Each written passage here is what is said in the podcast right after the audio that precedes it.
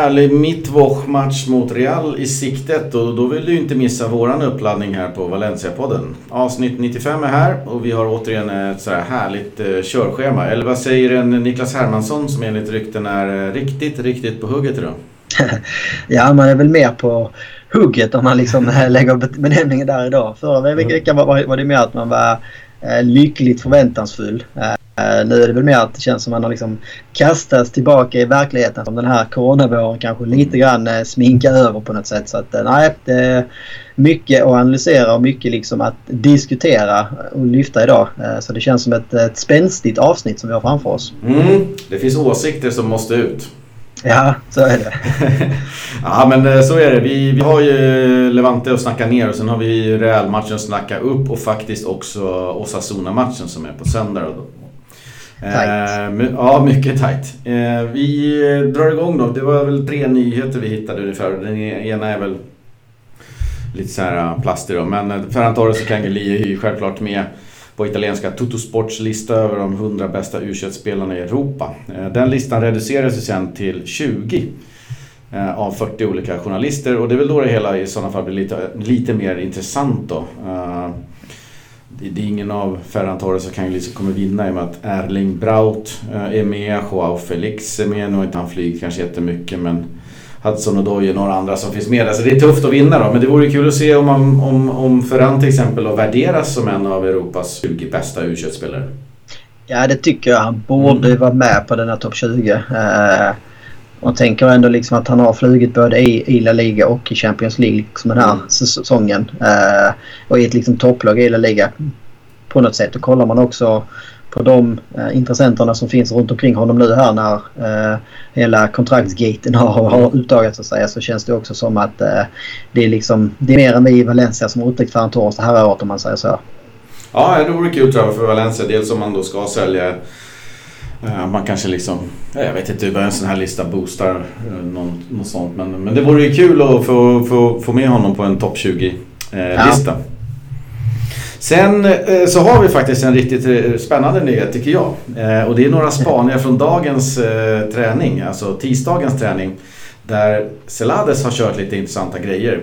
Dels så har han ju då testat Coquelin tillsammans med Hugo Guillamon som mittback vilket man förstår då efter Diakabis misstag och den turbulensen som finns kring honom. Eh, det ska sägas att han har testat eh, Coquelin tillsammans med Diakabi och Diakabi Gömmen också. Men Coquelin har varit där och det har bara testats som mittback. Men sen har han också testat 4-3-3 formation med eh, Parejo, Kondogbia, Coquelin centralt. Och sen eh, Guedes, eh, Rodrigo, Maxi på topp. Eh, och dessutom, ut, utanpå det här, sipprat ut lite uppgifter om att eh, om Kondogbia inte hade varit skadad så hade man kört 4-3-3 mot Levante. Eh, väldigt, väldigt, väldigt intressant måste jag säga. Ja, men jag tycker att det är, det är en bra spaning. Mm. Eh, och jag vet inte om vi ska spekulera nu eller vi ska spara det till mm. realuppsnacket. Eh, ja, men det kan vi göra. Men det är spännande ändå att det, det verkar ja. som att det kan vara ett 4-3-3 på gång här och att han liksom har testat det i alla fall. För det är ju ja, det... såklart som har varit på träningen och sett det här så att det är ingen, det är ingen rykte. De har ju sett att han har kört det här. Nej, och rent spontant så här. Eh, 4-3-3 och ser man då att Guedes och Rodrigo är på kanterna så blir det ganska snabbt ett 4-5-1 i defensiven. Eh, vilket liksom känns väl ganska rimligt. Med tanke på att det är Real Madrid på bortaplan. Det är ett Valencia som har haft grymt, grymt stora problem i defensiven. Så att man liksom på något sätt vill täta till det mot Real borta är väl ändå ett sundhetstecken på något sätt. Eh, det dyker ganska snabbt vi... upp ett frågetecken bakom Ferran också. Ja, det är många frågetecken. eh, tycker jag. Hur man liksom... Eh, ja, men, eh, men vi kan ta det lite mer i... Vi kan gå in på det i Real-matchen där. Men det är ju väldigt spännande att det, det testas lite nytt där. Sen så hade vi en sista nyhet kring Marcelino, gamla tränaren. Han har ju gått utan jobb eh, sen han blev sparkad av Valencia och var ju på G till Arsenal ett tag där innan man valde att gå hemvävt. Uh, och det var väl någon annan, var det Everton eller någonting som var på tapeten. Men nu ska, även, eller nu ska Betis då ha öppnat upp förhandlingarna och kontaktat Marcelino. Uh, det var väl, var det Manuel Pellegrino som var med också. Det var väl två, två namn som nämndes nu efter senaste förlusten. Precis, och det var väl även Longoria som uh, skulle hänga med i så fall. Mm. Och det, jag tror det var uh, vår kära Hans Christian Lange som, som skrev det på Twitter. Och det, jag kan bara hålla med till 100%.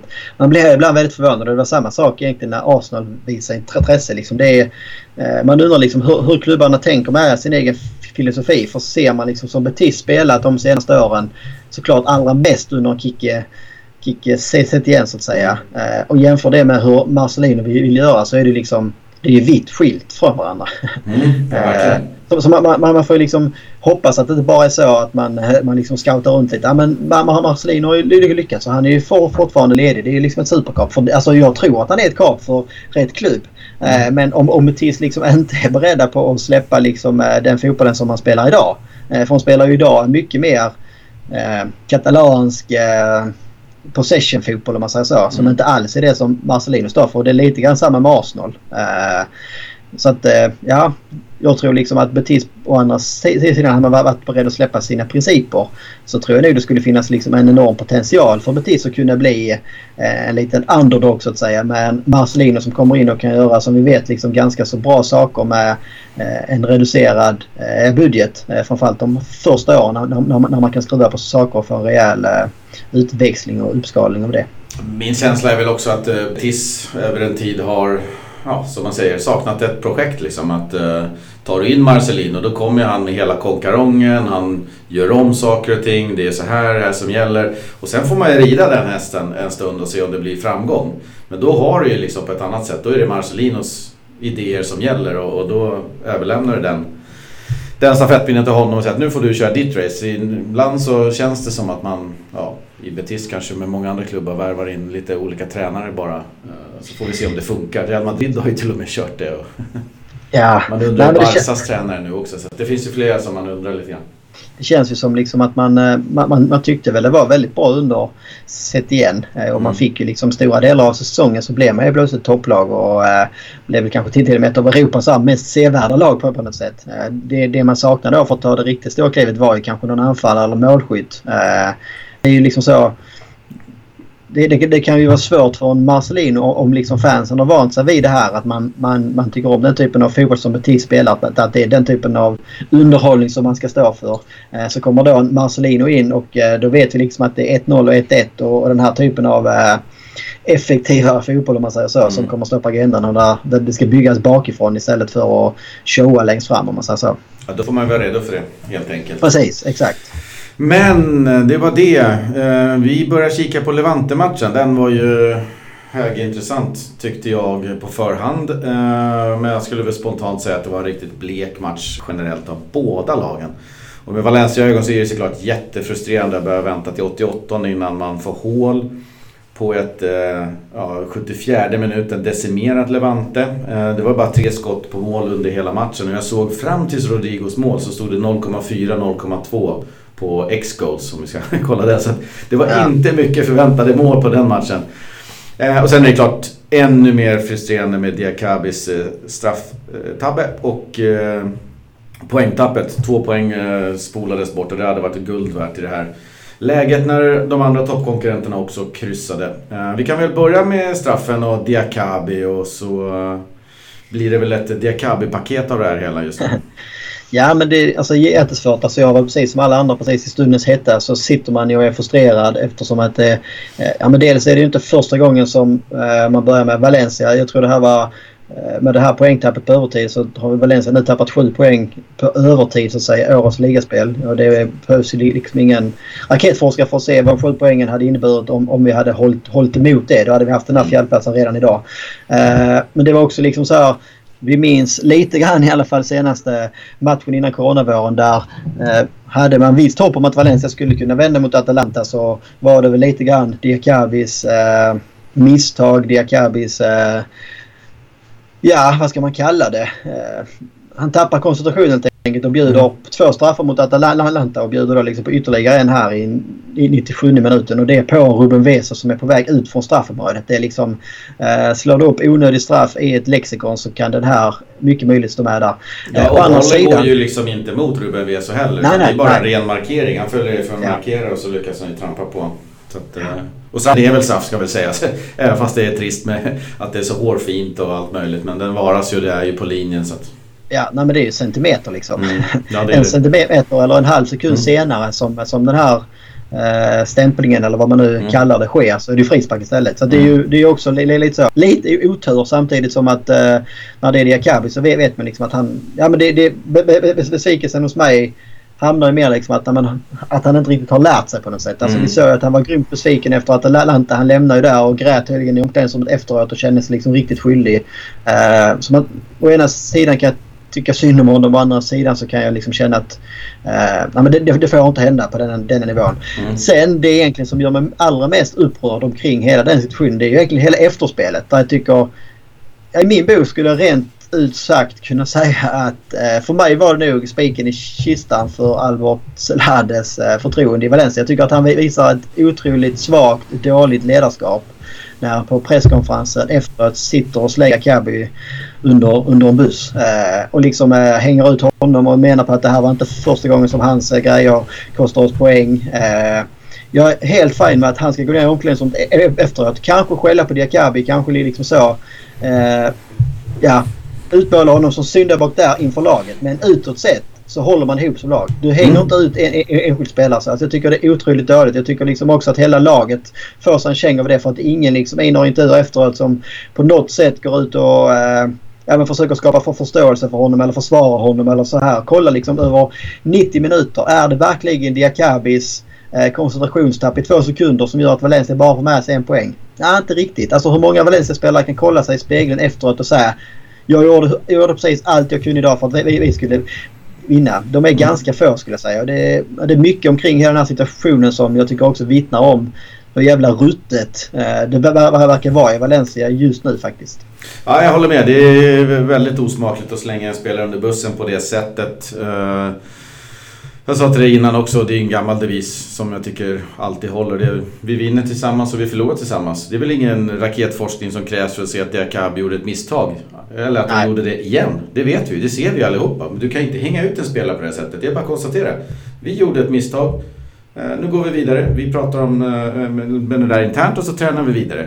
Alltså ja. kastar han Diakabi under bussen så här, men gör det ordentligt då. Skicka han helt. Ja, ja precis. Det blir inget det... bra av det hela att kasta under bussen i, i, på presskonferens. Och sen ska ni börja träna igen med, med Diakabi och hans självförtroende och liksom, jag vet inte. Nej, och du vet liksom också... Du vet att du liksom är beroende av honom. Alltså han är 23 år gammal, fortfarande relativt ung också. Du vet att du har en skada på, på, på, på Garay och du har en Gabriel som är relativt liksom eh, skadebenägen om man säger så. Mm. Att då liksom gå ut så. Alltså, om, man, om du vet liksom så, ja, redan på torsdag så kanske jag behöver använda honom igen. Det höjer ju inte ditt självförtroende. Alltså, du kunde ju se på det. Det kan ju inte dum i huvudet. Han fattar ju direkt efteråt att fan nu hände det igen. Alltså, han är ju superbesviken. Och liksom om det är någon som, som straffar honom så är det nog ingen som straffar honom hårdare än vad han gör själv. Uh, så att jag, nej, jag tycker det är... Och det är också hela... Det är så fadd liksom eftersmak omkring Diakabi på, på, på något vis. För det var liksom... Eh, från början så har man gått ut och gjort en stor investering i en ung mittback som inte då var supergiven eller liksom någon, någon tongivande i franska ligan om man betalar 15 miljoner euro för honom. Eh, sen så då tackar man nej till ett 40 miljoners bud i vintras från två Premier League-klubbar. Mm. Och det är liksom så, okej okay, men vad, vad, alltså var det helt rätt agerat? Alltså vad är det, man börjar säga, vad är det ni ser i Diakabi? För att det är liksom, jag, om man nu ska vända på det så jag kan inte se att Diakabi har utvecklats mycket i Valencia under de här senaste två åren som han varit i klubben. Alltså det är fortfarande den här Eh, gör någorlunda bra saker ibland. Där han har haft en Garay-sidan om sig så ser han liksom ut som en annan spelare. Man kan se viss potential. Men han har liksom ingenting i sig som jag tycker så här sticker ut. Han har ingen spetsegenskap. Han är, han är inte långsam, han är inte snabb. Han är liksom en, ingen jätte i luften men han är inte dålig i luften. Han är inte eh, någon supertalang med fötterna eller så. Eh, och framförallt så är han ju rent katastrofalt taktiskt. Eh, mm. Men då, då liksom får man gå tillbaka till vad är det klubben håller på med. Man, man liksom nobbar 40 miljoners bud på Diakabi som du betalar 15 för och som inte har tagit långt ifrån liksom en ordinarie plats i laget. Samtidigt som du då har stora problem att förlänga kontraktet med en Ferran Torres som flyger och en Hugo Guillamon som uppenbarligen liksom har höjder som vi fick se här. Eh, uh, och så, ja, jag tycker det är... Släng in en Mangala i den här liksom soppan så får du ännu mer så här att men vad är det liksom, vad är det, vad är det Valencia håller på med med sina...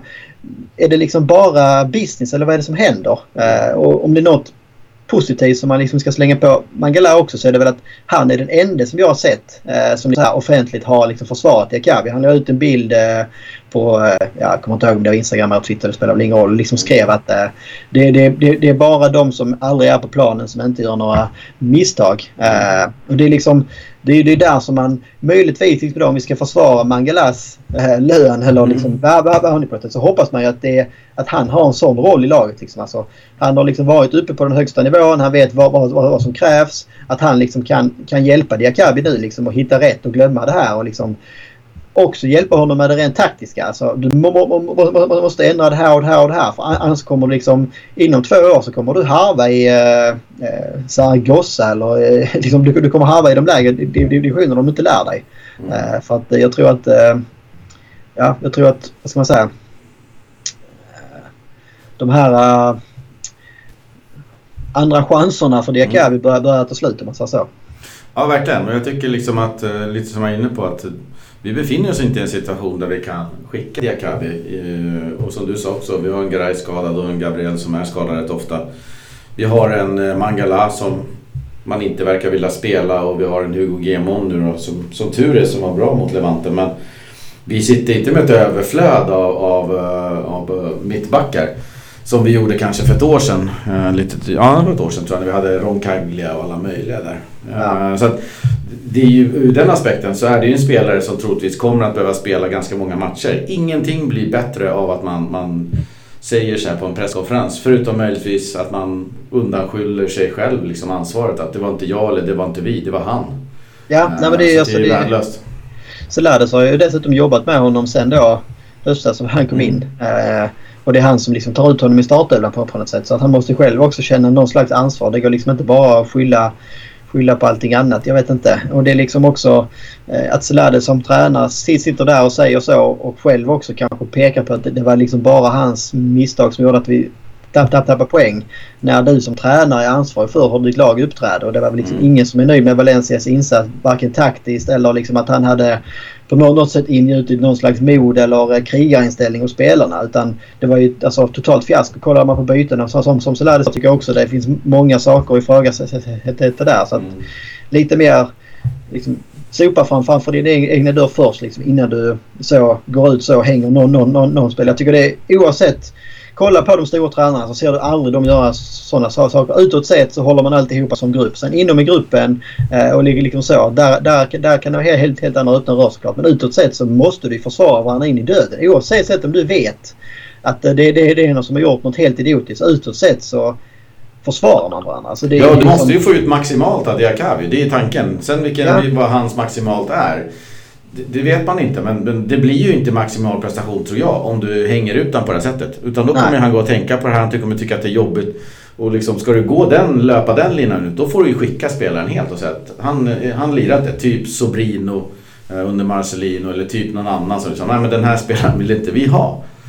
Fine, gör så. Men Diakabi spelar just idag en väldigt central roll i Valencia i den situationen vi befinner oss. Och då måste man göra någonting annat. Och kollar man på straffen så ja, hans fot trampar ju på en annan spelares fot eh, inom straffområdet och, och så här. Men det, det, är ingen hu han tappar ju inte huvudet. Det är ingen huvudlös tackling eller liksom så här, oj vad fan gör han där? Alltså det finns ett visst mått av klumpighet. Han har kontroll på sin egen fot. Det är ingen annan som kan ha det. Men också kanske lite ett visst mått av kanske otur och att han trampar på honom och inte precis ja. bredvid då. Så att man kan inte skylla på någon annan där. Men det är, liksom, det är inte någon huvud, han har inte tappat skallen och bara nej, kapat nej, nej. något. Mm, mm. Jag har ju sett värre straffar. Det var också liksom så när du, när du liksom upplever att en tränare så tydligt och så hårt går ut i media och uh, hänger ut en spelare. Vad liksom skapar det för signaler till resten av gruppen? Du, du, du, du, du, liksom, du kommer att skapa en grupp där alla kommer att vara livrädda för att göra misstag. Så att det är liksom ingen som kommer, kommer kanske våga göra några saker eller uh, springa, alltså, kommer någon springa och tänka på det på planen. Ja, idag kan det vara jag som blir syndabock. Alltså, det, det, det är ju precis den här miljön som splittrar Eh, eller precis den här typen av signaler som liksom splittrar lag och inte får ihop mm. grupper. Valencias liksom enda chans och möjlighet på något sätt är ju att man, man och det, det har vi sett de senaste åren, att ska Valencia kunna liksom kriga på allvar, framförallt nu när man, när, när man jagar, så handlar det bara om en sak. Det är liksom att få ihop den här, här gruppen och se till att den här gruppen överpresterar. Eller att alla ligger väldigt nära sin liksom maxnivå på något sätt. Ett plus ett eh, måste bli tre. Exakt och det är så, så, så som man, man, man, man, man spelar nu och uppför sig utanför planen Eh, Eh, så kommer, det, så då kommer det fortsätta se ut som det gjorde mot Vante. Där liksom spelarna springer för en och en på något sätt. Det är liksom ingen synk, det är ingen liksom lagmaskin. Man, man, eh, man är inte beredd att svettas eller offra sig för, för varandra för att eh, du har inte den tryggheten i, i gruppdynamiken på något vis. Nej, trist, trist, trist att det var Diakabi som igen gjorde ett misstag. Och frustrationen finns ju där kring den spelaren men, men det finns också saker som inte har skett så snyggt. Men om vi kikar på lite andra insatser då. Vi börjar med Parejo Guedes eh, på mittfältet. Eh, fan det tände inte till riktigt va? Parejo det kunde man ju se tidigt liksom. Okej det är, det är en sån dag. Mm. Du kunde ta ut honom efter 40 minuter. Han har någon frispark Han har inte det där flowet på något sätt. Nej, nej och han liksom... Problemet med Parejo tror jag, alltså när han har gått så här lång tid också, det är liksom att Parejo han är ju och ska kanske också vara i Valencia spelaren som eh, alltså har de här passningsspelet lite grann hela tiden på gränsen. Han är liksom inte bara det här enkelt i sidled. Eh, utan han, det är han som ska slå de här öppna avgörande. Vilket också då gör att han blir väldigt sårbar när, när det inte funkar. För det syns ju direkt. Eh, det är högre risk på dem såklart och det måste det vara. Du kan inte bara slå sidled enkla för då, då hotar du inte. Nej, men när, när han har en sån här dag då blir det liksom, han har någon frispark som väl fortfarande inte har landat och någon annan frisparksvariant som slutar liksom istället med, med en farlig kontring för Levante. Och generellt sett så är han ju tillbaka där han liksom var innan Marcelino kom om vi snackar ledarmässigt, lagkaptensmässigt. Du, du ser liksom inte honom elda på eh, på något vis eller försöka få igång laget eller ta liksom någon, någon sån här uppoffrande löpning för att väcka laget. På, alltså, nej, han är liksom tyvärr var det ett steg tillbaka. Får vi bara hoppas att det kanske var eh, att han behöver komma igång så att säga. Men det har, det har varit en oroväckande utveckling för honom generellt under, under Solades. Och det är egentligen bara under Marcelino generellt i Parejos karriär. Det är mm. bara Marcelino som har liksom fått ut... Alla vet, vet ju potentialen som finns hos Parejo. Eh, men det är liksom väldigt få tränare som lyckas få ut den. För när, när, när, när du väl får ut den så är det ju en landslagsspelare. Eh, men problemet med, med Parejo är ju har alltid varit att eh, lägsta nivån är alldeles för låg. Det är liksom mm. för stor skillnad mellan högsta och lägsta nivån och det svänger alldeles för snabbt. Så det är tråkigt för att vi är väldigt beroende av honom. Eh, och jag tror liksom det också är ytterligare en konsekvens av att vi, vi inte får igång något eh, anfallsspel framåt. Det är liksom för att det fastnar på Parejo istället för att flyta där på något sätt. Ja, och Guedes är väl också lite samma sak. att uh, det, det, finns ju en, en nivå där som är väldigt hög. Och nu tyckte jag... Visst så tyckte jag att han kändes pigg, han kändes liksom intresserad. Eh, det var inte så mycket uppgivna gester och sådär men nu tyckte jag mer att eh, touch och timing och bollbehandling och sånt där, hans finter satt inte riktigt. Eh, och han, han, kom väl till, han avlossade väl bössan några gånger men, men det var ju självklart skott som täcktes. Backarna visste ju lång väg vad som skulle hända. Så att, ah. Nej, men det man saknar här, alltså, det var så, man, han var så uppsnackad också så det var ju liksom mm. en av de spelarna som var mest spänd på liksom att få se nu. Och man saknar ju fortfarande liksom den här explosiviteten. Jag håller med om att det fanns liksom fler, mer mer bra tecken nu än det liksom fanns kanske tidigare under den här mm. säsongen. På det. Man, man, man kunde se ibland att viljan fanns där. Man, han, han, han försökte. Han ville ha boll mer och han liksom ville vara involverad och skapa saker. Men den här liksom explosiviteten som man ja, som alla snackat om att man kunde se på träningen och, och att ja, men det var den gamla Göde som var tillbaka. Nej, det såg jag inte alls. Att, eh, kanske var det att man hade höga förväntningar men han var en en, en besvikelse han också tyckte jag. Tillsammans med många ska man väl också säga. Eh, ja. Det är enkelt att hänga ut liksom Parejo, och Guedes och, och sådär. Och det är också två spelare som kanske syns för att de är två spelare som också ofta vill ha boll. Oavsett liksom, om de har en dålig dag så är det inte de spelarna som gömmer sig utan Parejo får fortsätta och vill ha boll. Han fortsätter försöka så eh, liksom genomskära och få igång något spel. Så det får man kanske ge honom. Att oavsett. eh, det, det är enklare för andra spelare att bara, bara springa och gömma sig. Så ser man så ah, han hade en blek dag men han gjorde inga stora misstag. Nej, är det bättre egentligen? Jag vet inte. Nej, det, det där är svårt. Ja. ja, och, och, vi kan ju, vi kan ju som sagt, ska, vi behöver inte hänga ut folk men Rodrigo och Maxi såg jäkligt bleka ut och Ersattes väl av en Gamero som jag tyckte kanske såg lite piggare ut. Men det såg ju faktiskt rätt så bra ut på två spelare tycker jag. Och det var Hugo Guillamon, jättekul. Uh, premiär. Uh, och, och liksom gjorde det fullt godkänt och till och med bra. Uh, nu fick ja. inte de Levante till jättemycket och det var jättekul att se. Ja, premiär, han spelade väl någon match innan. Men uh, också José Gaia. Jättekul. Ja, jag håller med. Alltså Guillamon, det var ju liksom ett stort frågetecken i försvaret eftersom mm. att det var en Diakabi som vi liksom vet har varit inne på eh, kan framförallt liksom när han inte har någon ledare sidan om sig se ganska flaxig ut och då kom det liksom in en, ja men i stort sett debutant. Det var väl första ligamatchen från start i alla fall. Eh, men Guillamon alltså, ser ju lugn och trygg ut med boll. Eh, rätt placerad, bra försvarsmässigt, framkallar en utvisning. Eh, är ju med i uppbyggnaden på spelet. Det är han liksom som får bollen och driver ut den. Hittar eh, Gaia som sen hittar in till Rodrigo. Så att eh, mm. Guillamon är Jättefin. Alltså, högsta betyg. Ja. Eller det blir och, väl en eh, NHL-assist på den. Ja precis, en liten hockeyass. Mm. Nej, och Gaia håller också med om. Alltså, Gaias insats var nu precis så som jag hade förväntat mig att se hos många Valencia-spelare. Man ser att Gaia där kunde man se liksom den här revanschen eller på något sätt viljan, inställningen och glöden på något sätt. Att man älskar att vara Truppvinnarna som bara flög fram där på kanten. Ja, ja han, han, han ville ju. Och sen kanske han ville för mycket, mycket ibland. För man, man, man vet rent så tekniskt ibland så var det en del inlägg som flög förbi som man kanske inte brukar se honom slå, slå bort om man säger så. Men det var, ju, det var ju precis en sån insats jag hade hoppats att man skulle se hos Valencia. Där man vill för mycket men där kanske det, det rent tekniska eh, av förståeliga skäl inte sitter 100% än. Men det var ju bara hos Gaia egentligen som, som jag kunde liksom utläsa det. Att du hade glöden men inte riktigt hade med, med dig. Eh, sen så är det han som slår assisten till målet så det är också svårt att säga att han liksom har en dålig dag tekniskt. Men eh, nej, Gaia och Guillamon är väl egentligen, de enda som jag, jag tycker så kan kolla sig i spegeln efteråt om man nu ska gå tillbaka till den referensen. Eh, mm. och känna liksom att, eh, att, man, att man kan vara nöjd. Resten eh, har med. Florenzi tycker jag väl också gör en helt okej okay match. Mm. Uh, sticker liksom inte ut en eller annan men han är kanske inte heller den här uh, Gaia i offensiven för det är väldigt sällan han, han kommer ut på det. Och kanske inte ska vara, vara det heller. Och defensivt sett testas han ju heller i allt talat inte särskilt mycket. Uh, så att ingen, det är kanske någon, någon, en sån som är lite såhär beige insats. Varken bra eller dålig på något sätt. Nej och Florensis uh insats. Jag tycker mest att det blir intressant att se vad, vad nästa insats och insats efter det blir. Uh, ja. Nu visar han ju ändå att liksom, han, han går inte in och gör någon, någon dålig insats, han går in och gör en rätt stabil insats. Är det här han börjar off-season lite omatchtränad och, och lyfter från det, då blir det jätteintressant. Men ligger han kvar på den här nivån i sju matcher eller tio matcher till, då är det så jaha, okej. Okay. Nej, det, behövs mer.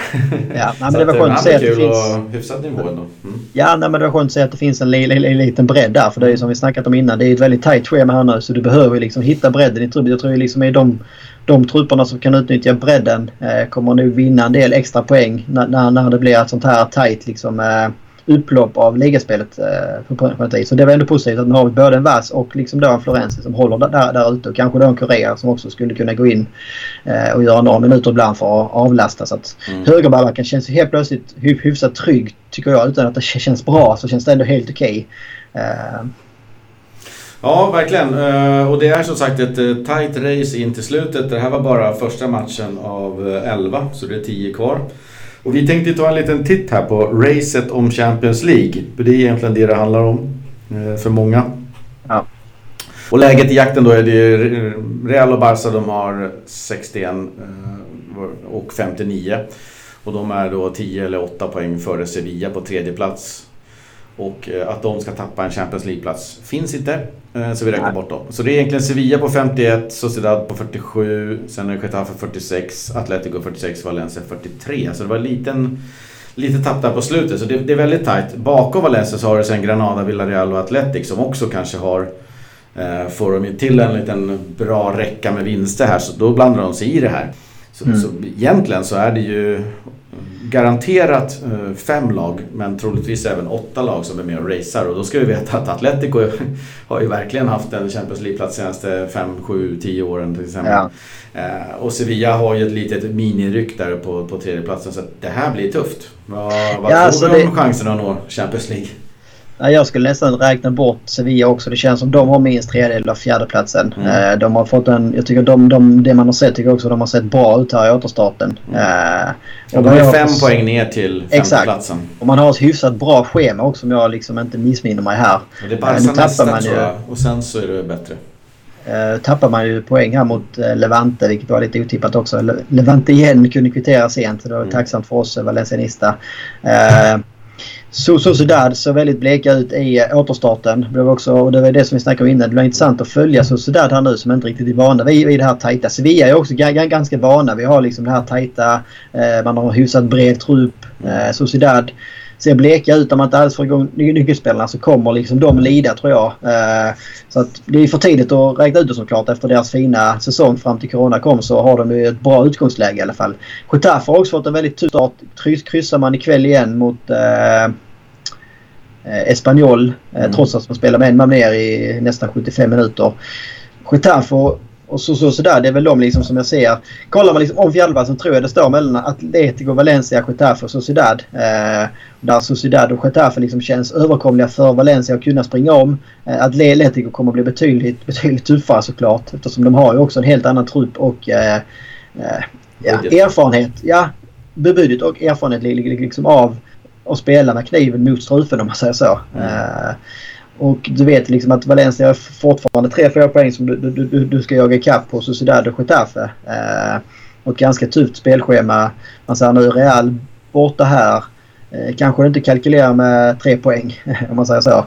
Eh, du har Villarreal som vann ikväll och gick förbi Valencia visserligen med en match mer. Så att, eh, alltså, om inte Valencia om inte Valencia höjer sig, om man liksom fortsätter Valencia som man spelat den här säsongen så att säga. Eh, så når man absolut inte Champions League och man, kommer, man, kan till och med få väldigt tufft att nå Europa. Eh, så att det, det, alltså, det är ju det som krävs av Valencia för, för, bara för att ens nå Europa. Det är ju att man, du höjer dig både en och två nivåer. Alltså annars, och det just nu om jag liksom, om någon frågar mig så här.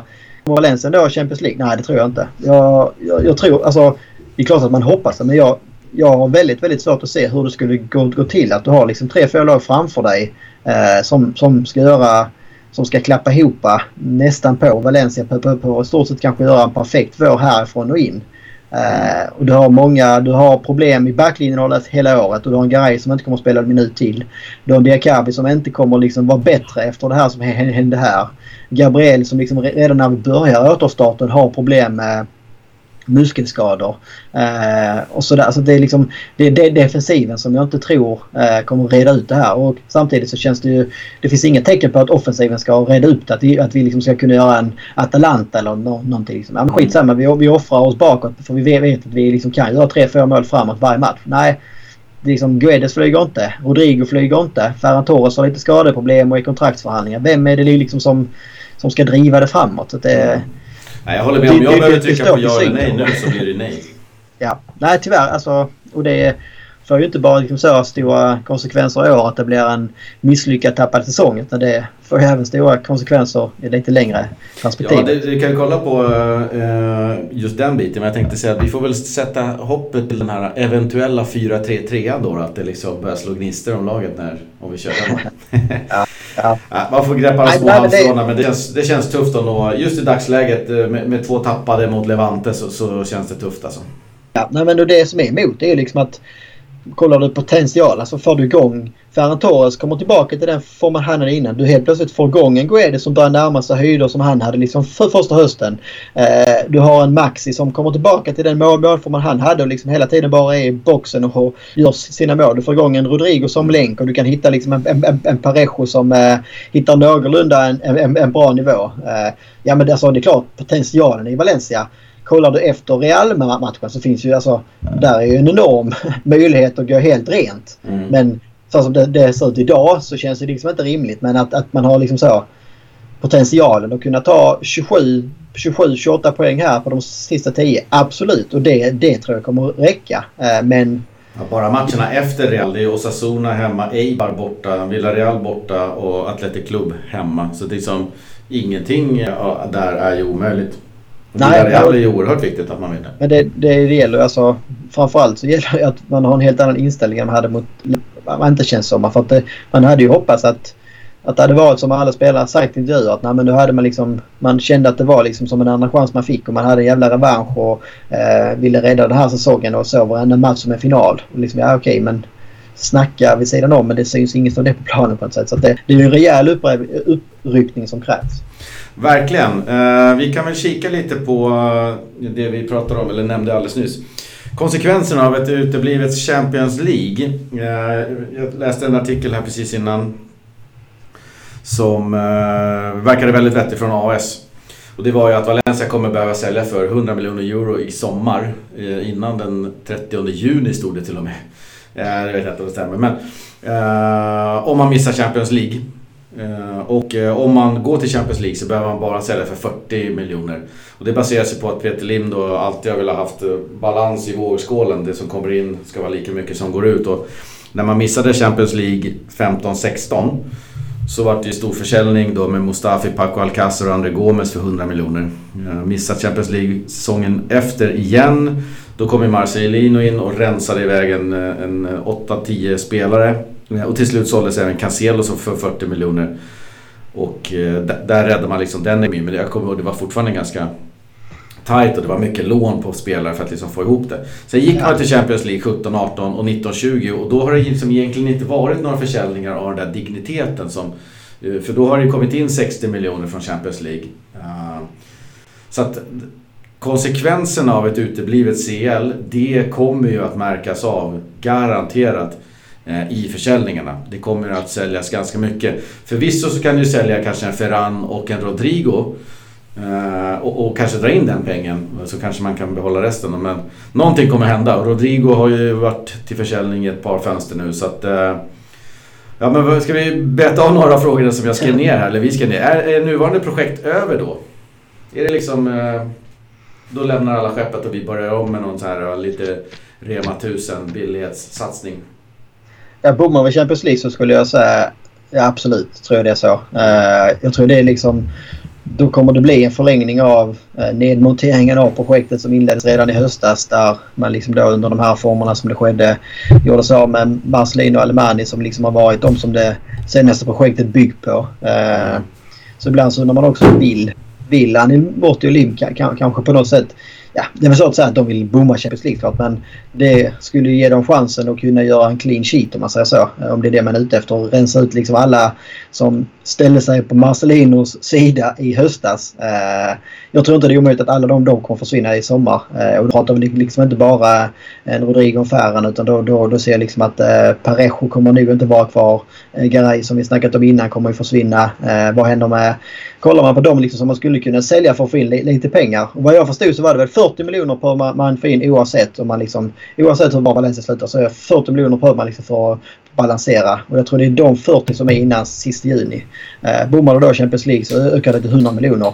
Uh, och då handlar det om att du, det, är, det är två, tre toppspelare du behöver sälja. För att få in de här 40, ja men då är det en spelare. Du, du kan sälja en Ferran, du kan sälja en Rodrigo, du kan sälja en Kondogbia kanske. Uh, de tre skulle nog kunna men hyfsat liksom bra sommar här räcka och helga. Är det 100 millar så är det kanske alla tre som sticker. Eh, och vad liksom signalerar det till de övriga spelarna i truppen med lite ambitioner? Eh, det är ju inte liksom... Eh, det är liksom svårt för någon att sälja in då. Nej, men 2021 så kommer vi liksom kriga för Champions League. Då är vi tillbaka igen. Där 2020 var ett mellanår när vi kom sjua. Uh, ja okej okay, du säger det men vi har ju betydligt sämre trupp nu än vi hade då. Uh, vi har liksom en tränare, om man nu ska behålla Selades, eller vad, vad som händer med tränarbiten som, uh, som kanske vill gå in och bygga sitt projekt från början och liksom ta in sina typer av spelare. Så är projektet över om vi bommar Champions League? Ja det är det.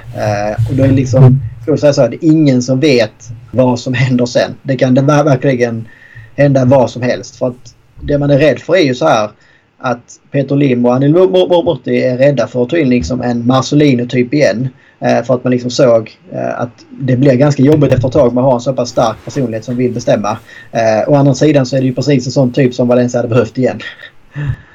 Tror jag.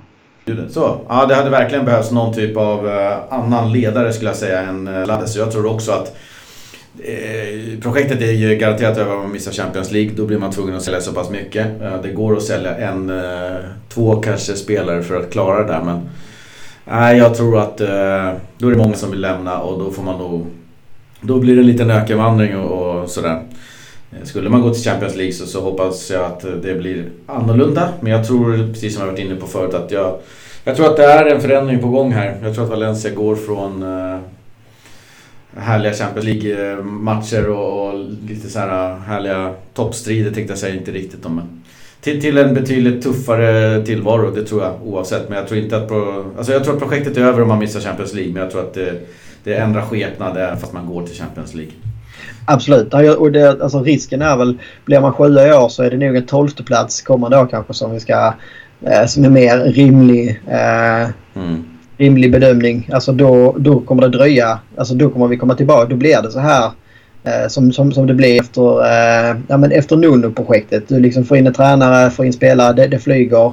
Eh, sen flyger Nunos projekt betydligt kortare tid då än Marcelino som var väl kanske då lite, eh, vad ska man säga, lite mindre fundament i grunden om man säger så. Eh, Marcelinos projekt hade ju ändå, tror jag, liksom med Eh, med en bra successionsordning och planering och tanke bakom det så hade man kunnat fortsätta det projektet. Sen kanske det var en ny tränare som skulle komma in och ta över det. Mm. Eh, men en, liksom, en, smidigare övergång och tanke så. Vad är det för någonting vi behöver efter Marcelino? Men det var ju ingen tanke. Liksom. Det var ut med honom och säga vi, vi, vi tar en Celades här. Alltså, det är, jag är väldigt svårt att säga att någon har suttit och gjort den analysen att vi tror att när Marcelino har kört fast i Valencia då är, då är, då är Solades liksom rätt man att driva det här projektet vidare. Återigen, liksom, man kan göra de här kanske en del tycker tråkiga parallellerna till början av 2000-talet när Valencia byggde upp det det imperiumet som man gjorde då, då hade man ju den här liksom successionsordningen. Man hade liksom flera tränare efter varandra som tog över den förra tränarens arbete, förbättrade,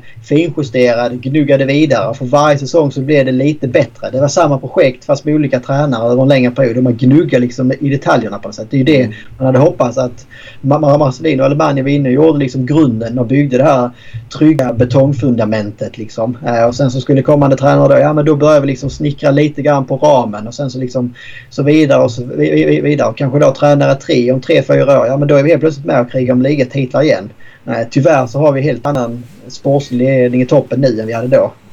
Ja och kollar vi på eh, Stannar Ferran om vi missar CL och får Celades nytt förtroende? Celades-frågan alltså helt, alltså det känns som 50-50. Alltså, jag har ingen aning om det. Svårt att veta vad han har för förtroende idag. Ja, alltså, det, ja och liksom är han eh, den här marionettdockan som en del menar på. Ja, det är absolut inte omöjligt att han liksom får fortsätta. Så blir det... Då har han ju skött sig, då han ju skött sig exemplariskt. Han har Exakt, utfört alla de saker du gör. Men, men vad var kraven på honom? Vad förväntades av honom? Liksom? Har han uppfyllt dem? Det vet man inte. Nej men då utgår från vi liksom att projektet är över eh, och att det liksom blir en tillbakagång där eh, ägarna eller ledningen vill ha liksom en större inflytande i, i, i, eh, i det som händer på planen. Då tror jag absolut att eh, har liksom en stor möjlighet att få fortsätta. Eh, vill man påbörja ett nytt projekt och liksom vill få in en tränare som har eh, ja, som liksom vill ha lite mer, mer mandat och kanske också erfarenheten och eh, ta med sig ett annat namn när du ska vara spelare. Ja, men då, då behöver man ha en annan tränare. Men med Peter Limman eller Mortis liksom eh, historik och CV så är det ju alltså noll förtroende för att de liksom ska göra någon, någon bra analys och få, liksom få till något bra projekt här. Eh, det så känns Celades... lite märkligt med Celades då, om jag bara får flika in här. Ja, avbryta. Men han känns mer som, som jag tycker, att, nu har han ju kanske blivit det också, men mer som en caretaker. Alltså en, ja. en Voro. För att Celades eh, kom in och skulle satsa på unga spelare och det var en 4-5-1 eh, eller 4-3-3 tränare och massa, massa, ingenting av det har ju hänt.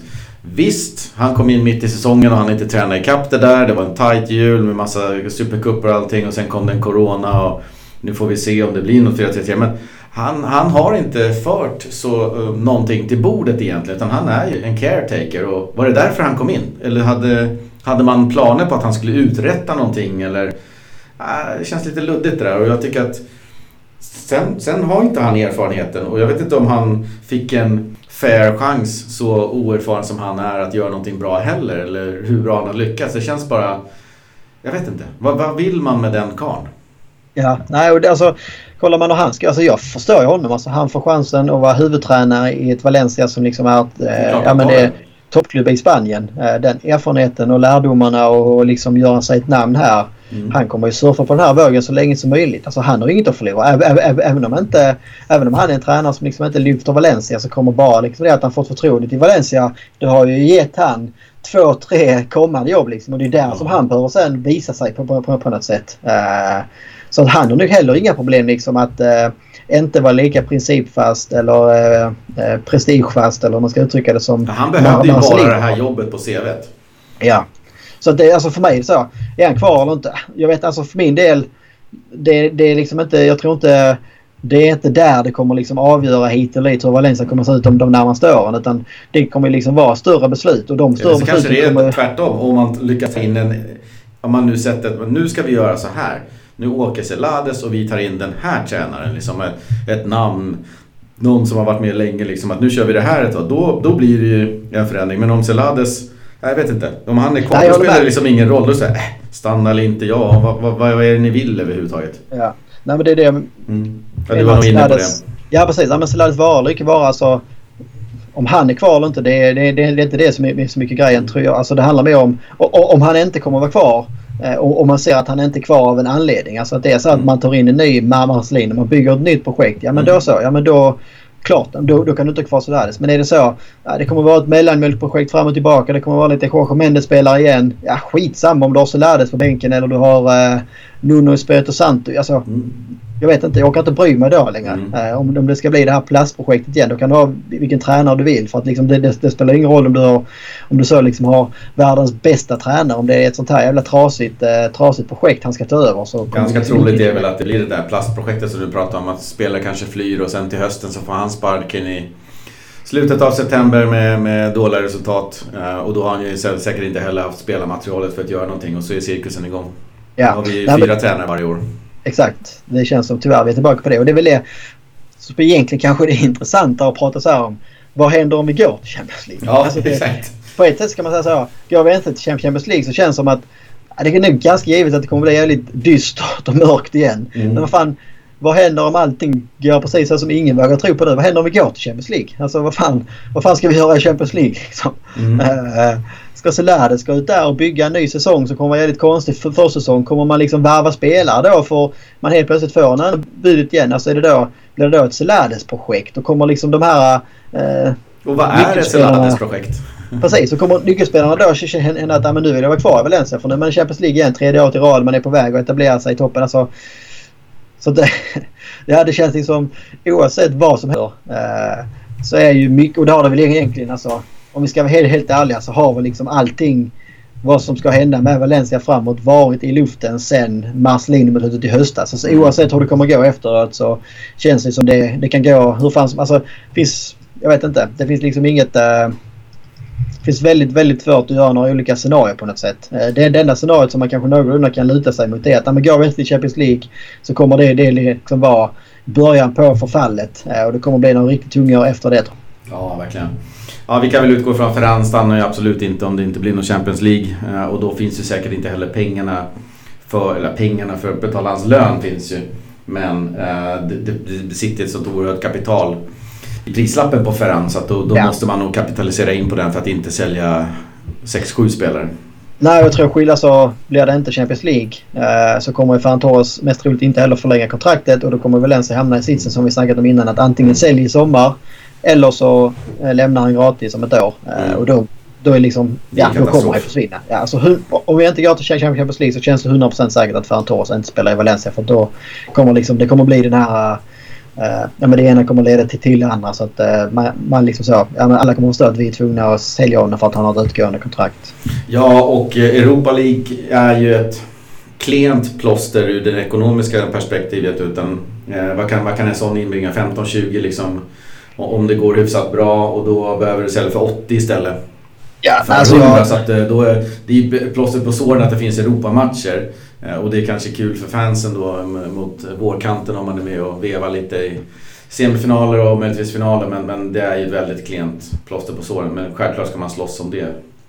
Ja, nej, jag vet inte. Alltså jag, jag, jag slutar nästan hellre sjuan fem hemma. För på ett sätt så kan jag känna så här skit då i en, en säsong i Europa helt och hållet. För då har du också chansen. Då behöver du inte bygga en bred trupp. Då har du liksom chansen att lägga pengar på en liten spetsigare trupp. Kolla Martinus första år en stor del i att det gick så himla bra då var ju att vi bara hade en tävling. Du kunde liksom gå runt på samma spelare. De blev aldrig slitna av något Europaspel på något sätt. Har du Europa League så oavsett om du säger så att ah, vi kommer bara köra B-laget där eller vad det kan vara. Så någon gång kommer det ändå bli liksom en tävling till och behöver du ha en trupp för det. Eh, så för mig är det nu, nu, nu när vi varit i Champions League liksom här och etablerat oss där så skulle jag nästan hellre ta då en mellansäsong för att jag tror det har större möjlighet att kunna göra att vi eh, närmar oss snabbare på, på något sätt. Om vi bara då behöver du bara bygga en trupp liksom med kanske låna ihop lite. Då har jag större förhoppning att man kommer tillbaka snabbare faktiskt. Jag tror det här det som, Europa... Ja, det, jag håller med dig absolut. Och det som stör lite grann är att man alltid tänker så om sitt egna lag. Att fan det är bättre att slippa ja. den här jävla kuppen eller Europa League-spelet och så vidare och så vidare för att liksom slippa de matcherna. Men samtidigt så lyckas Getafe med mikroskopisk budget eh, vara ute och veva i Europa League och göra det jäkligt bra. Sevilla lyckas med en lite större eller liknande budget som Valencia gör det jäkligt bra. Varför skulle inte vi kunna lyckas med det? Ja, nej jag håller med. Så att det är liksom så här, jag förstår precis hur du menar och jag känner faktiskt lite likadant nu, nu, när du nämner det. Men jag tänker också att men det går ändå att göra det. Det, det ska inte vara omöjligt. Så att eh, vi får väl se. Jag hade en sista grej bara som kanske inte var relaterad till det här. Noterad på en lapp innan vi började prata upp matcherna. eh, och det var att eh, det kom ut en eh, liten tweet här från eh, Radio Toronja som är väldigt flitiga på att twittra, twittra ut. Och det var att eh, Jorge Lopez ska för sex månader sedan ungefär ha sagt till Hugo Guillamon att vi kommer inte erbjuda dig något kontrakt eh, för att du eh, ja, han, han är inte tillräckligt bra är ju såklart grunden. Men också för att han är lite för kort. Ja. Och, och, nu har man då erbjudit honom kontrakt när Cesar Sanchez är inne. Så det är också så här, vad är det som händer här? Är det någon som har koll på någonting? Du kan inte säga Nej. så till en spelare och sen så erbjuder han och nu har han liksom fått bevisa sig i La Liga och gjort det bra i en match. Nu ska man då, liksom, det är väl bättre sent än aldrig men...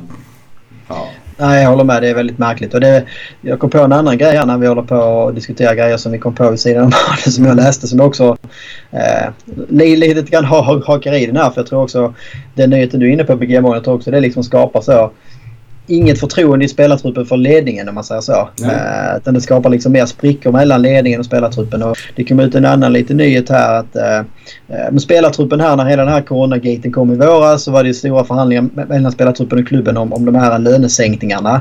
Mm. Och då kom man ju till sist fram till att uh, men i stort sett hela truppen gick med på en lönesänkning på 9% vilket då var så här solidariskt att man också skulle kunna betala fulla löner till Valencias anställda som då tjänar lite mindre. Uh, I den dealen fanns det olika uh, klausuler. Den ena var till exempel när det blir, blir det ingen säsong alls så blir det 18 lönesänkning.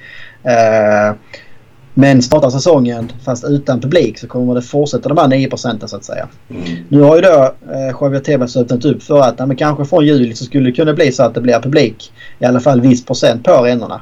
Eh, och det har liksom kommit ut, eh, vet man inte om det är sant eller inte, som alla sådana nyheter, men att många liksom spelare tycker att det här är lite fult av Valencia för att man, spelarna hade tydligen lite sådär flaggat för att men vi, vi kanske ska ha någon klausul också om det blir så att vissa eh, vissa matcher är med publik eller inte. Eh, att vi liksom ska få visst tillbaka då. Och samtidigt kan man också ställa sig på andra sidan och säga vad fan, ni tjänar tillräckligt. Men det handlar liksom inte, här handlar det mer om att spelarna ser liksom det som att eh, Meriton och Lim och Morty liksom. Eh, det är de som tjänar på, på, på det här och sparar liksom pengar eh, på, på, på ett vis. Att det liksom har skapat en del ytterligare så här spricka mellan spelartruppen och ledningen på något sätt. Där man inte sedan tidigare hade ett så här superbra förhållande eller så stort förtroende för, för varandra kanske.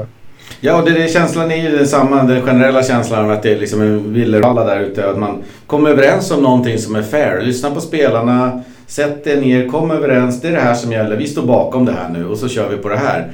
Nu ja. känns det mer som att man... Nej, saker och ting är lite up for grabs och det känns väldigt löst i kanterna och in, in, inte 100% koll på saker och ting. Nej, just det här liksom tror jag att man inte att man hela tiden misstror varandra på något sätt. Alltså eh, mm. skapar du den, den miljön på, på, på, något sätt så kommer du liksom ja men minsta lilla grej som man liksom så man kommer misstolka varandra med vilje. Liksom varenda grej som någon säger eller vad som dyker upp kommer du tro att de har liksom några onda avsikter med det. Det liksom skapar bara en infekterad miljö som någon gång, någon, någon gång brister och det känns liksom på det, det sättet med hela liksom vår senaste diskussion här så känns det som att det är mycket möjligt att det är en perfect storm inkommen liksom i Valencia. Bommar Champions eh, Du har liksom en eh, eh inneboende miss, misstri, missförtroende i, i truppen mot ledningen. Eh, nej, det känns, känns som att worst case så blir det liksom en riktig, riktig clean sheet i sommar. Och det är väl också det som har diskuterats så att det är det, det, är det liksom eh, som eh, Cesar jobbar efter. Liksom mm. En så parallell plan. Ett scenario som han har fått liksom så i sin beskrivning det är att han, han, han ska jobba efter det. Jobba efter ett scenario där det betyder att i stort sett eh, byter ut hela truppen. Och det kommer aldrig vara hela truppen men det är väl i stort sett liksom alla de mer eller mindre etablerade spelarna som man kan få pengar för och som har hyfsat hö hö höga löner kommer att försvinna och att det liksom är ett helt nytt, nytt tänk framåt. Eh, där det kanske mer blir så eh, ja, jag vet inte hur man tänker egentligen. Men det, oroväckande trender i alla fall. Ja, man ser ju de mörka molnen i horisonten, så är det helt klart. Sen får vi se vilket håll de blåser åt, men eh, det ser inte riktigt bra ut just nu. Nej, verkligen inte. Men men, eh, det var det. Det var ett rejält eh, nyhetspaket och snack om Levante-matchen och toppat lite grann med racet om Champions League. Vi tar en liten jingel så hinner ni fylla på kaffe och så snackar vi upp två härliga matcher. Yes. Ja, men lite matcher då. Vi har ju en eh, smällkaramell på torsdagskvällen 22.00 mot Real Madrid borta på träningsanläggningen Valdebebas. Det är som vanligt tre pinnar som står på spel, eh, men denna gång mot eh, svårast tänkbara motstånd på bortaplan. Liten fördel kanske att publiken inte kan hjälpa domaren som brukligt på Bernabéu om vi ska se från Valencia-ögon. Vad säger du? Ja, man, man behöver väl all hjälp man kan få. alltså, mm. Både om vi kollar liksom formen på, på Valencia och kollar formen på Real Madrid efter en match. Också historiskt sett, Valencia har inte vunnit borta mot Real Madrid sedan 2008. Eh, jag kollar också bortaspelet generellt. Nu är det också statistik som man kanske ska ta med en nypa salt eftersom mm. det var mm. tre, tre månader uppehåll. Men vi har fem raka matcher utan seger på, på bortaplan vilket var någon slags rekord i Valencia också tror jag. Mm. Eh, så att visst, alltså, det är väl liksom få, få saker på förhand som talar för att Valencia ska åka och ta någon poäng kanske överhuvudtaget. Och väldigt få som talar för att man, man, man ska ta tre poäng, vilket jag tror den första timmen här av vårat, vårat poddavsnitt också mm.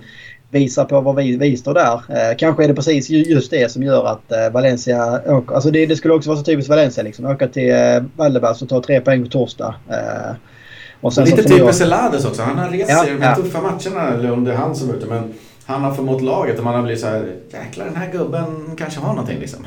Det här är ytterligare ett sånt tillfälle som man kan mycket väl tänka sig att ja, det kanske kan Absolut. hända någonting. Ja, och kanske det också liksom är de här spelarna som är lite trötta kanske nu då. Man säger, ja med Rodrigo Parejo de här att de, de höjer sig mer också när, när det är de här stora matcherna eh, på något mm. vis. För det, det är de som ofta får med sig, får med sig laget. Mm. man säger så.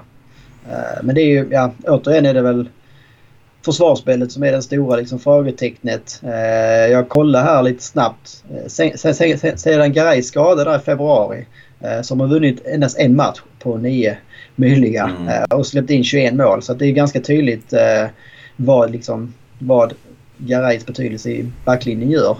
Eh, och också för att knyta ihop lite grann det vi pratade om precis här innan hela läget med Champions League och sådär. En stor skillnad om man jämför då mot, mot i fjol där vi då, ja men fram till fram till där någon gång i mars så kunde man ändå säga att säsongerna var hyfsat lika. Så man hade en rätt så tung höst men sen så då i fjol så lyfte man ju rejält under våren. Stora skillnaden tycker jag i år det är att kolla liksom på eh, expected goals eller kolla på all statistik. Så i Valencia är det laget i La Liga som har tagit eh, flest poäng som man inte har förtjänat om man säger så. Mm. Och i fjol var det ju precis tvärtom. I fjol var ju så Valencia enligt expected goals så skulle ju Valencia haft fler. Man kunde ju se liksom att ja, men det där, det där jämnar nog ut sig över en säsong. Liksom. Man, man, kunde ju se i statistiken och siffrorna att Valencia hade en bra vår i sig. Eh, statistiken och siffrorna nu säger ju precis tvärtom. Mm. Eh, kollar man på expected goals nu skulle Valencia vara, vara, vara 12 egentligen. Uh, så att få saker liksom som inför Real borta tyder att ja, men det, det är nu det vänder.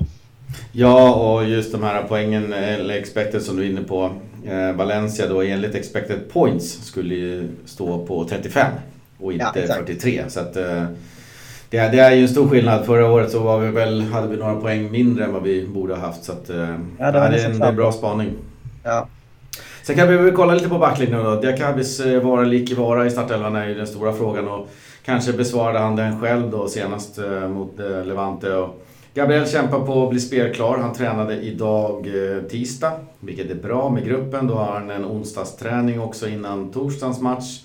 Och dessutom, eh, Gaia tränade inte i måndags, men där ser det bättre ut. Han är också tillbaks nu. Och man man tror ju att han kan spela den matchen. Hur vill du se Celades eh, formera laget? Är det en 4-3-3 med en Gabriel Guillamon i backlinjen eller vad tänker du?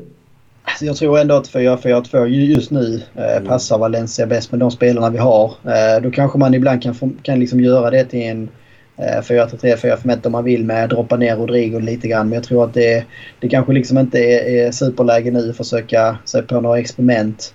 Backlinjen kommer oavsett vara var en fyra. Eh, där hoppas vi att Gaia kan spela. Han är ju som vi sa kanske då den den formstarkaste spelaren och den som liksom också är en av få ledarna som driver på laget genom sitt, sitt spel och sin inställning alltid. Är Gabriel tillgänglig så är han ju helt given där bak för att liksom få in något lite mer eh, eh erfarenhet och lite mer etablerad och kanske då kunna styra upp eh, mittförsvaret där mm. han då antingen kommer ha Diakabi eller Guemon. Och det är ju väldigt svårt att peta Guemon efter sin insats mot Levante. Eh, sen är det också så här, är det rätt läge liksom så här fyra, fem, fem dagar senare kasta ut honom eh, mot Real bortaplan? Eller ska man liksom eh, matcha honom försiktigt? Men man kan ju också ställa det andra vågskålen. Är det rätt att slänga ut Diakabi mot, Real borta efter liksom det som hände honom eller efterspelet där? Det finns ju också en väldigt stor risk att eh, han inte skakat av sig det helt. Eh, så jag hade nog kört Gabriel Guillamon om, om de är tillgängliga. Eh, sen så tror jag inte det är omöjligt att, att vi kommer att få se en vers på högerbacken från start. Jag tror att mm. Det kommer att bli en del sådana smårotationer här för att få igång alla spelarna som vi snackat om. Att du behöver ha bredden. Du behöver liksom ha många spelare tillgängliga. Och Vass, ja, han är ju en duglig högerback liksom, så att det, är, det är ingen större, större förändring eller försämring eller förbättring kanske. Eh, det blir också intressant att se eh, om jag nu, jag får utgå från ett fyramanna mittfält. Eh, så blir det intressant att se på höger mittfältet om man också där vill liksom göra denna förändringen med att få in en Ferran Torres för att få igång honom. Eller om man vill fortsätta med en Carlos Soler som väl ändå får säga sig lite bättre defensivt. Ungefär en, ett, ett större hot om vi nu tänker oss att det, det kommer bli en mer spelvändningsfotboll som Valencia mm. kommer få liksom, eh, anpassa sig efter och kanske inte lika mycket äga boll som man, man kunde göra mot eh, Levante. Så där kanske jag hellre vill, vill se liksom en Ferran Torres eh, vad ser du på topp då? Är det en Gamero som roteras in och vem hamnar på bänken i så fall? Jag hoppas inte det. Där, där går jag kanske emot mig själv men där hoppas jag att Maxi och eh, Rodrigo får en match till. För jag tror de, de är så himla viktiga att, att, att, få igång. För att Valencia ska få igång sitt målskytte så behöver du igång helst bägge de två. Eh, och då, då behöver de två spela ihop så mycket som möjligt. Eh, så skulle man liksom försöka rotera en Gamiro här så är det kanske mer tecken på att man lite grann vaskar denna matchen för att liksom då mm. vara fräscha i omgången efter för att det är kanske där man ser större chans att vinna. Så det, det är väl också det som man kan slänga in som en liten så här brasklapp. Att det kan ju bli intressant att se. Alltså, man skulle kunna säga så, ja det kanske inte alls är omöjligt att vi ser jättemycket rotationer och att Solari liksom känner att ja men fan Real borta här, vi har Osasuna hemma på söndag. Det är där vi ska ta tre poäng. Kan vi liksom sno med oss en poäng från, eh, från, från Madrid så är det bra men eh, ett, ett Real som jagar liksom guldet, det kommer bli tufft oavsett hur vi ställer upp. Ja, verkligen. Jag tycker också att eh, Rodrigo och Maxi dessutom ska ju palla eh, de här två ja. matcherna eh, för att spela ihop sig och Gamero ska ju vara den tredje anfallaren som avlastar. Eh, fullt duglig, fullt kapabel men, men inte som jag ser det en startspelare när man sätter honom i, i, i sammanhanget eh, Rodrigo och Maxi. Så att gärna de två och sen så petar man ut en, eh, en Maxi då om det inte har varit någon leverans där och man behöver få in en Gamero. Så jag hoppas verkligen också att han, han startar på bänken och, och sen så får man se om man känner att mot eh, Osasuna då att eh, Gamero kan eh, få starta lite och få en, en startplats då. Ja. Vi kan väl prata lite om Real då. De såg ju vassa ut i omstarten här mot eh, Eibar. Besegrade med 3-1 i en match som förvisso kunde ha blivit lite nervig om eh, bortalaget hade förlorat, eller förvaltat sina chanser lite bättre. Det var ju, efter 3-1 målet så fanns det ett friläge där som så det kunde blivit 3-2 och lite nerv, men eh, Reals eh, storkanoner såg ju vassa ut. Hazard, eh, Ramos, Kroos, Modric, Marcelo i spetsen. Och ska vi kolla lite på den sistnämnde där och Marcelo så har ju Zidane verkligen tyckt om honom och gillar att spela honom framför Mendy. Men om vi har en Ferran på den kanten så kan det ju bli, ja vadå? Ja, det känns ju liksom som alltså både Marcelo liksom så specifikt men också det, det man såg Real precis som du är inne på. Det var ju defensivt så fanns det ju, kunde, kunde liksom i bär skapa, fanns så mycket läge som gjorde och kunde ju kunde skapa lite spänning där på slutet så borde ju Valencia med de spetsspelarna som vi har i en uh, Guedes, Ferran Torres, Rodrigo och Maxi framåt borde ju liksom kunna hota Real. Uh, och det alltså ja, hur Zidane tänker blir intressant att se. Men skulle man sätta liksom en Marcelo där så skulle jag hoppas jag ännu mer liksom att eh, då vågar liksom kontra med och ta in en Ferran där och verkligen försöka utnyttja det eh, övertaget som jag tror att eh, som jag tror att Ferran skulle kunna få.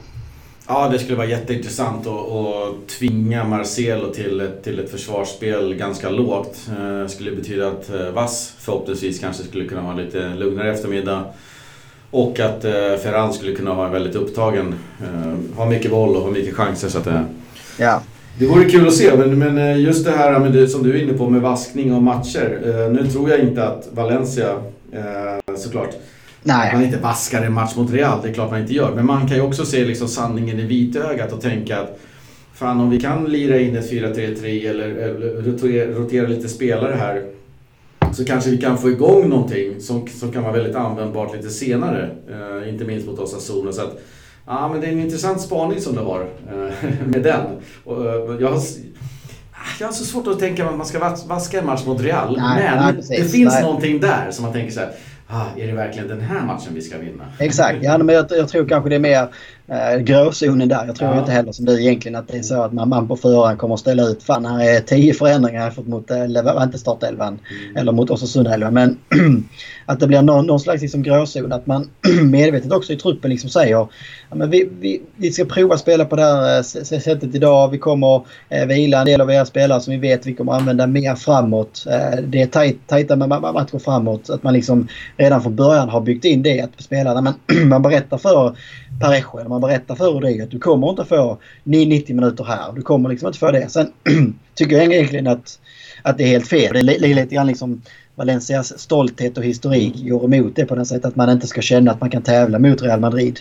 Uh, så att ja, men det, det blir intressant att se. Och hela 4-3-experimentet också. Hur, liksom, hur, hur tänker man omkring det? Hur mycket vågar man göra? Det är ju uh, det är liksom inte många omgångar kvar. Det är tajt matchschema. Du har liksom Valencia det, dessutom som inte har än mindre efter, efter två tappade poäng mot Levante så har liksom Valencia har noll utrymme att göra experiment egentligen. Mm. Uh, Valencia behöver liksom få någonting att flyga. Man behöver, man behöver liksom få det att flyga omedelbart. Uh, så att ja. Det... En poäng mot Real ju, kan ju vara jätteviktig. Alltså, det är ju en mm. pinne. Uh, ja. Kan man få den med sig och sen få det att lyfta de kommande fyra matcherna med kanske tre vinster eller någonting så ja, absolut. Det, mm, Nej men det är där man kan se också Real som, alltså det kan ju också bli den här språngbrädan precis som du är inne på. Alltså så här, mm. Till och med går, åker upp och vinner här. Eh, vilket skulle vara väldigt typiskt Valencia på något mm. sätt. Ja men då, då kanske du kan få en jävla boost istället. Att mm. eh, ingen räknar med att du ska vinna. Du har liksom en kass form sen innan. Du gör en dålig återstart. Eh, men kan du då åka liksom och skaka ett Real som har allt att spela för. Ja då jävlar kan du kanske liksom få den här boosten som sen kan hålla i sig hela sommaren. Eh, mm. För det är, ju, det är ju det som jag liksom tror också kommer att avgöra hela Champions League-sporten. Det är ju det, det, det, kommer mest troligt nästan bara vara en formcykel i de här omgångarna som är kvar. Mm. Eh, så kommer du in riktigt bra form här så kommer du liksom kunna kapitalisera på det skitbra. Kommer du in på en riktigt dålig form så kommer det kosta dig mycket mer pengar än det kanske gjort normalt sett. Där liksom så, Nej, på 5-6 veckor kan du liksom jobba bort den dåliga formen. Du kanske har tappat 3-4 kryss. Liksom. Eh, men här är det helt plötsligt 5-6 kryss du har tappat istället och då, då är det liksom kört för vilket lag, lag som helst i toppstriden. Så det gäller ju för alla lag det här att hitta toppformen så snabbt det bara går. För ingen har ju råd att, att halka efter eftersom det är så jäkla tajt. Ja, det är otroligt tajt med matcher. Det är var tredje, var fjärde dag eh, hela tiden nu. Så att, eh, ja, poäng eh, uppe i Madrid vore ju att föredra och en, en, gärna en fin prestation också. Ja. Men samtidigt så skulle det liksom inte heller bli helt förvånande om det står eh, 5-0 till Real Madrid efter 90 minuter. Så det känns ju verkligen liksom så. Det kan gå precis hur fan mm. som helst och det är väl generella känslan med Valencia det under, under, under Solades framförallt kanske. Ja, verkligen. Det är lite så det har varit. Uh, man vet aldrig vad man får och, det är bara att hoppas att uh, det blir det bästa då. Vi kan väl blicka lite på Valencia och Sassona också. 19.30 på söndag. Den uh, bänkar, ni väl, bänkar ni väl er framför. Den är på Mestalla och matcherna haglar ju tätt.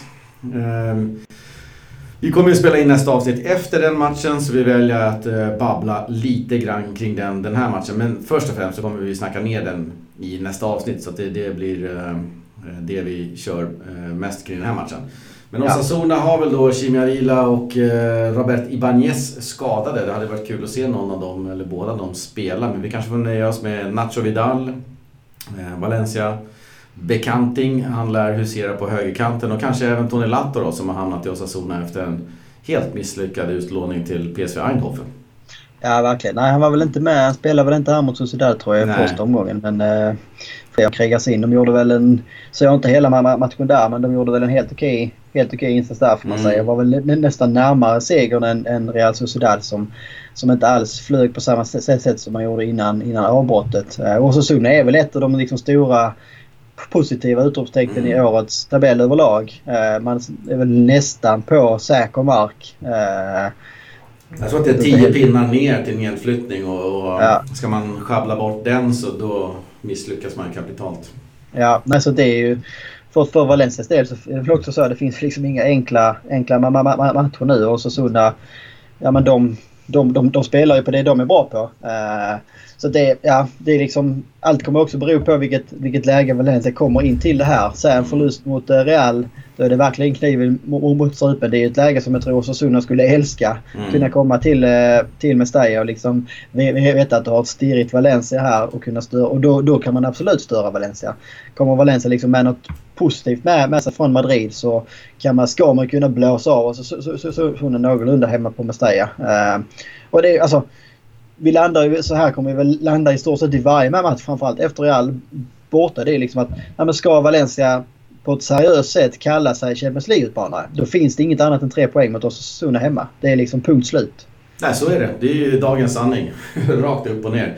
Det vore ju så kul om från en eh, Real-match där, där, där Maxi kanske har stängt in en eller två och man har sett en Parejo som, som, som flyger. Man har sett någon typ av leverans från Sillisen och det, det finns så många som man vill se saker ifrån från eh, Real-matchen för att man ska känna att det finns lite vind i seglen för den här ja. Eh, fyra matchers, eh, det kanske är ännu mer matcher.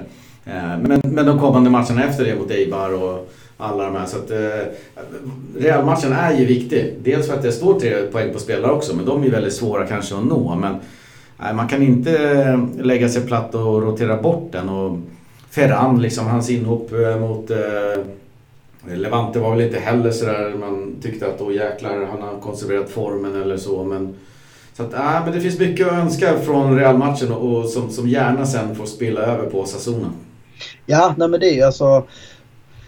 Ska vi försöka avrunda med liksom någon positiv anda för det känns som att det, det blev till sist ett mm. ganska så här halvdystopiskt avsnitt så är det väl liksom återigen liksom potentialen som finns i Valencia. Mm. Alltså kolla på startelvan, kolla på de spelarna som liksom har Eh, i, i, i truppen tillgängliga så är det ju liksom...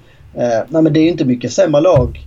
Om det till och med kanske är ett bättre lag som vi kan ställa på pappret mm. på banan denna våren som vi gjorde förra våren. Då gick vi och vann koppan och vi hade liksom en jäkla stint i ligan som gjorde att vi seglade förbi alla lagen där liksom kanske ingen trodde att Valencia skulle, skulle åka hela vägen fram. Så potentialen finns ju där. Alltså, det är ju liksom... Det är ingenting som så säger att eh, Eh, de, de här nio sista omgångarna skulle liksom så, ja men det är många tuffa matcher som är 50-50 på förhand. Kollar du bara på pappret så är ju liksom Valencia ganska stora favoriter i stort sett alla matcher som är kvar förutom då Real borta. Eh, så det gäller liksom bara att man själv, alltså det, det är helt, helt och hållet upp till Valencia själva fast man liksom ska jaga kapp poäng. Så har man ändå liksom ett spelschema som är så pass eh, eh, ja, det är ju inte enkelt men det liksom är så pass fördelaktigt ändå att, att, att, att, att man ska kunna samla rejält med poäng här. Poängen finns ju där ute. Eh, så är Exakt. det absolut. Eh, kanske inte mot Real men, men ändå så finns de där ute och det gäller bara att ta dem. Trepoängarna, ja. det som vi sa i förra podden, trepoängarna måste in på kontot. Ja. Eh, det spelar ingen roll hur det ser ut mot Levante. Nej. i 88 minuter. Sänker du dit en balja i 88 då ska poängen in. Då ska Exakt. du kunna stänga den matchen. Du ska kunna rulla boll och casha in tre poäng. Och så kan alla vara lite missnöjda med att det såg lite tamt ut och bla bla bla. Men fan, så hittar man den där straffen bakåt och så är det två tappade poäng och så är det panik liksom. Ja. Lägg av med det och, och se till så att poängen ram, ramlar in på kontot oavsett hur det ser ut. Det är det som gäller. Så får man bygga vidare på det liksom. Nej, vi får väl fortsätta tro på att Gonzalo Guedes kanske är liksom den här nyckeln till det här. Mm. Eh, så att han var den enda offensiva spelaren i Valencia som inte gjort mål i år. Uh, vi såg ju i fjol, då fick han ju liksom, när han kom tillbaka till skada, han fick ju en jävla form där på ett par tre veckor. Skulle han hitta samma form här liksom med de här tajta spelschemat så skulle det ju kunna bli en, en rejäl liksom, nyckel som kanske också då kan få med sig fler spelare. För det, det är lite, så, lite, lite det jag liksom landar i. Jag tror nyckeln är det att du behöver få igång någon av de här uh, för att liksom driva med de andra på, mm. på, på, något sätt. Där är mycket potential. Alltså offensivt så har vi någon jävla kanon. Alltså kolla bara på pappret med en Ferran Torres, en Gonzalo Guedes, en Maxi Gomez och Rodriguez. Alltså bara de fyra är ju liksom... Ja men det är ju alltså, det är högsta, högsta klass i stort sett i, i, i La Liga. Uh, Släng på en Gaia där också som ja, kommer fram på alltså- vänsterkanten. Alltså, alltså det, det, finns ju, det finns ju offensiv kraft. Ja. Och det är det som gör en ännu mer frustrerande när, när man inte får ut alltså När man liksom vet hur bra det skulle kunna vara. För det känns liksom det är väldigt få matcher i år eh, där, där, alla de här fyra liksom har synkat. Där, där, där vi har att alla fyra är i någorlunda bra form. Vi hade en Ferran Torres som flög i liksom ett, ett tag. Ja, men, visst, Guedes har, har varit skadad stora perioder. Men sen hade du då en Maxi Gomez som gjorde mål ett tag. Ja, men då var inte Rodrigo riktigt på. Alltså det känns som alla de här fyra, liksom, ja Guedes har inte alls lyft men de andra tre har liksom haft lite sådär bra stintar i perioder men aldrig riktigt liksom tillsammans alla fyra. Kan man, kan man hitta den liksom, då, alltså det är då Valencia kan flyga. Det är då liksom så här, vi kan börja på riktigt på allvar och se att nej men de här fyra, fem poängen vi, vi, vi ska äta ut på liksom jag, jag ikapp. Det är absolut inte omöjligt. Jag tror det största största problemet ändå är att det känns som att det är Atletico Madrid som kommer liksom vara de vi, vi krigar mot. Det är liksom inte Getafe som det var förra året som kanske då darrar lite grann när det väl liksom eh, kommer till kritan. Nu är det Atletico som sällan darrar om man säger så. Eh, och som kanske är ännu mer revanschsugen än Valencia. För att om Valencia haft en svag säsong så har Atletico liksom också haft en betydligt sämre säsong enligt sina förväntningar.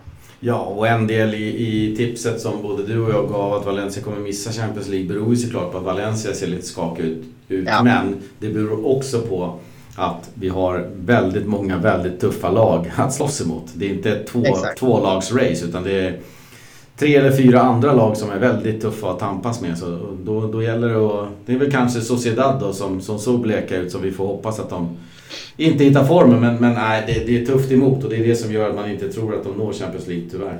Exakt, men det var det som också är skillnaden mot i fjol kanske. Då var mm. det ju nästan bara ett Getafe som ja. liksom på riktigt var de vi skulle göra. Alltså Sevilla var ju aldrig riktigt liksom med i kampen. Eh, Sociedad och, och, och Villarreal och Bilbao var heller riktigt aldrig nära att kunna ut. Utan det var ju liksom ganska tydligt tidigt i våras i fjol att det var Ja men det var Getafe eller Valencia. Sen hade ju Getafe liksom eh, pole position länge, länge, länge. Eh, men där man också hade hela tiden här... Ja, men Getafe är inte riktigt vana vid, vid, vid det här. Man, mm. man, man, man, man, behövde aldrig släppa hoppet liksom. För man visste att kan Valencia bara, bara att gnugga på liksom så är det inte omöjligt att eh, Getafe kommer darra och då liksom gäller det att sätta in stöten då. Nu är det tre, fyra lag Eh, som liksom också kommer att spela mycket på inspiration. Ett Real Sociedad som spelar, kan de liksom komma, komma tillbaka igen så har ju de också potential och den här inspirationen på, på, på, på, på något sätt att knyta ihop den här säsongen. Man liksom är i Copa del Rey-final, hur det nu kommer att bli med den. Eh, man hade Champions League-platsen när, när hela ligan eh, pausades. Det är klart att de liksom har mycket att spela. Getafe med revanschlusten där visar att fjolåret var liksom ingen eh, engångsflyg utan i år så ska man verkligen liksom hålla ihop det hela vägen. Och sen då ett eh, Diego Simeone Atletico Madrid som liksom en fjärde plats för dem är ju en missräkning. Ja. Men det är liksom eh, är det minsta man kan göra för att reda upp en katastrofal säsong för dem. Så att det, nej, det är tufft, tuff, tuff liksom, eh, tid framför oss men eh, det är liksom inte helt mörkt. Om Valencia bara liksom kan skriva och gnugga på och få igång rätt spelare så så har man liksom den inneboende kraften att kunna, kunna göra det. Det, vore, det är ju en fantastisk eh, sommar vi har framför oss med 9-10 matcher här. Om Valencia nu kan ge sig in i den här fighten och gå för racet. Så, så det kommer ju vara många härliga matcher att följa i jakten ja, på Champions League-platser. Det var ju som vi, vi snackade om. Man hoppas ju bara inte att här liksom söndag kväll vid eh, kvart över nio eh, så kan man, känner man så jaha, det var den, det var den här liksom, sommaren vi hade hoppats på. Det, var, mm. det tog en vecka ungefär sen så var liksom hoppet och lampan helt släckt. Mm. Jag menar, säg, säg att Valencia tar noll poäng här. Ja men då är det, då är det ju mest troligt kört om man inte liksom har superflyt med alla andra resultat. Mm. Uh, det, det är ju verkligen så ödesvecka på många sätt. Det gäller liksom nu upp på hästen och visa eh, de andra liksom sett li, li, lite så här griller i huvudet på Sociedad och Getafe liksom att fan nu börjar Valencia vakna. Nu, ja, vi vet att, eh, att Atletico också jagar så ska liksom Valencia också vakna. Fan det här kommer bli bli tufft. Eh, du vill ju liksom få för dem att börja tänka så att de, de ska känna sig jagade. Ja det är verkligen det man hoppas. Så får vi se vad, eh, hur går det för Barca? Vi spelar in det här när Barca spelar. Ja, det står 0-0 fortfarande. Eller det stod 0-0 precis när jag kollade mm. i alla fall. Mm. Eh, det verkar som de... Glennis... Ja, nu står det 1-0. Ja, skulle man kunna rida ut det där mot Leganes kan man ju tycka. Ja. Så, så Real eh, har ju också kniven mot strupen nu på torsdag. Ja, ja precis. Nej, men då det, ja, nej, och det känns som... Det är många som har utmålat Real, att Real kommer vinna guldet så att säga. Eh, och då har väl de flesta kalkylerat med tre poäng mot Valencia. Och det är väl ytterligare en sån faktor som man hoppas att Selades liksom har med på sin matchgenomgång och gameplan för att tända laget. Att det finns väl inget härligare än att åka till ett eh, Madrid och eh, krossa marängernas gulddrömmar. Det är väl liksom, eh, ja, ge en Valencia-lista. liksom en eller två önskningar så kommer det garanterat vara med där. Ja, garanterat. Nej men då så. Eh, gott folk. Jag tror vi har hållit på i en timme och kvart, en och tjugo kanske.